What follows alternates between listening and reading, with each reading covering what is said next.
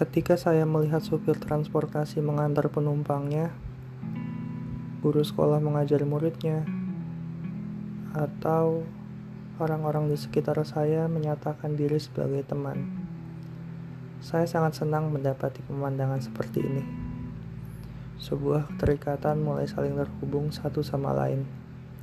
Keterikatan yang terus mempererat diri seperti rangkaian benang yang penuh warna. Tapi semua mulai berbeda ketika satu persatu pergi. Supir berkata, "Kamu sudah sampai tujuan." Guru berkata, "Kamu sudah lulus sekolah." Dan teman berkata, "Entahlah." Pada akhirnya, semua berlalu meninggalkan kenangan.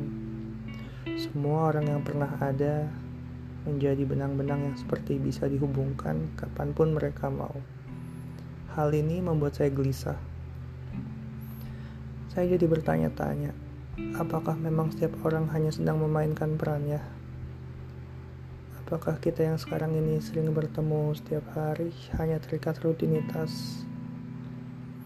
Menurut saya, kita semua adalah suatu konektivitas yang saling terkoneksi melalui cinta. Cinta mempererat koneksi di antara satu dengan yang lainnya. Orang-orang di sekitar kita adalah konektor yang akan menuntun kita untuk menjalin suatu event tertentu. Kita hidup terhadap waktu yang terus maju dan akan selalu membutuhkan orang-orang di sekitar kita. Guru memerankan tokohnya, teman juga, orang tua, supir, penjual makanan, dan semua orang.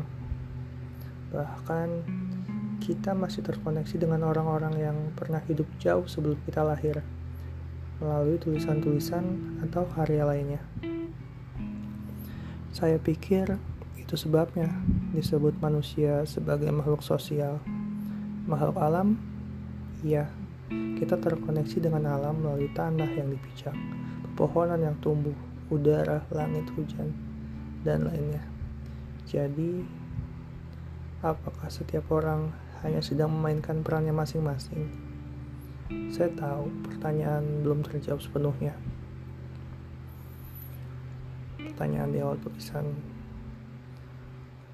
apakah kita yang sekarang ini sering bertemu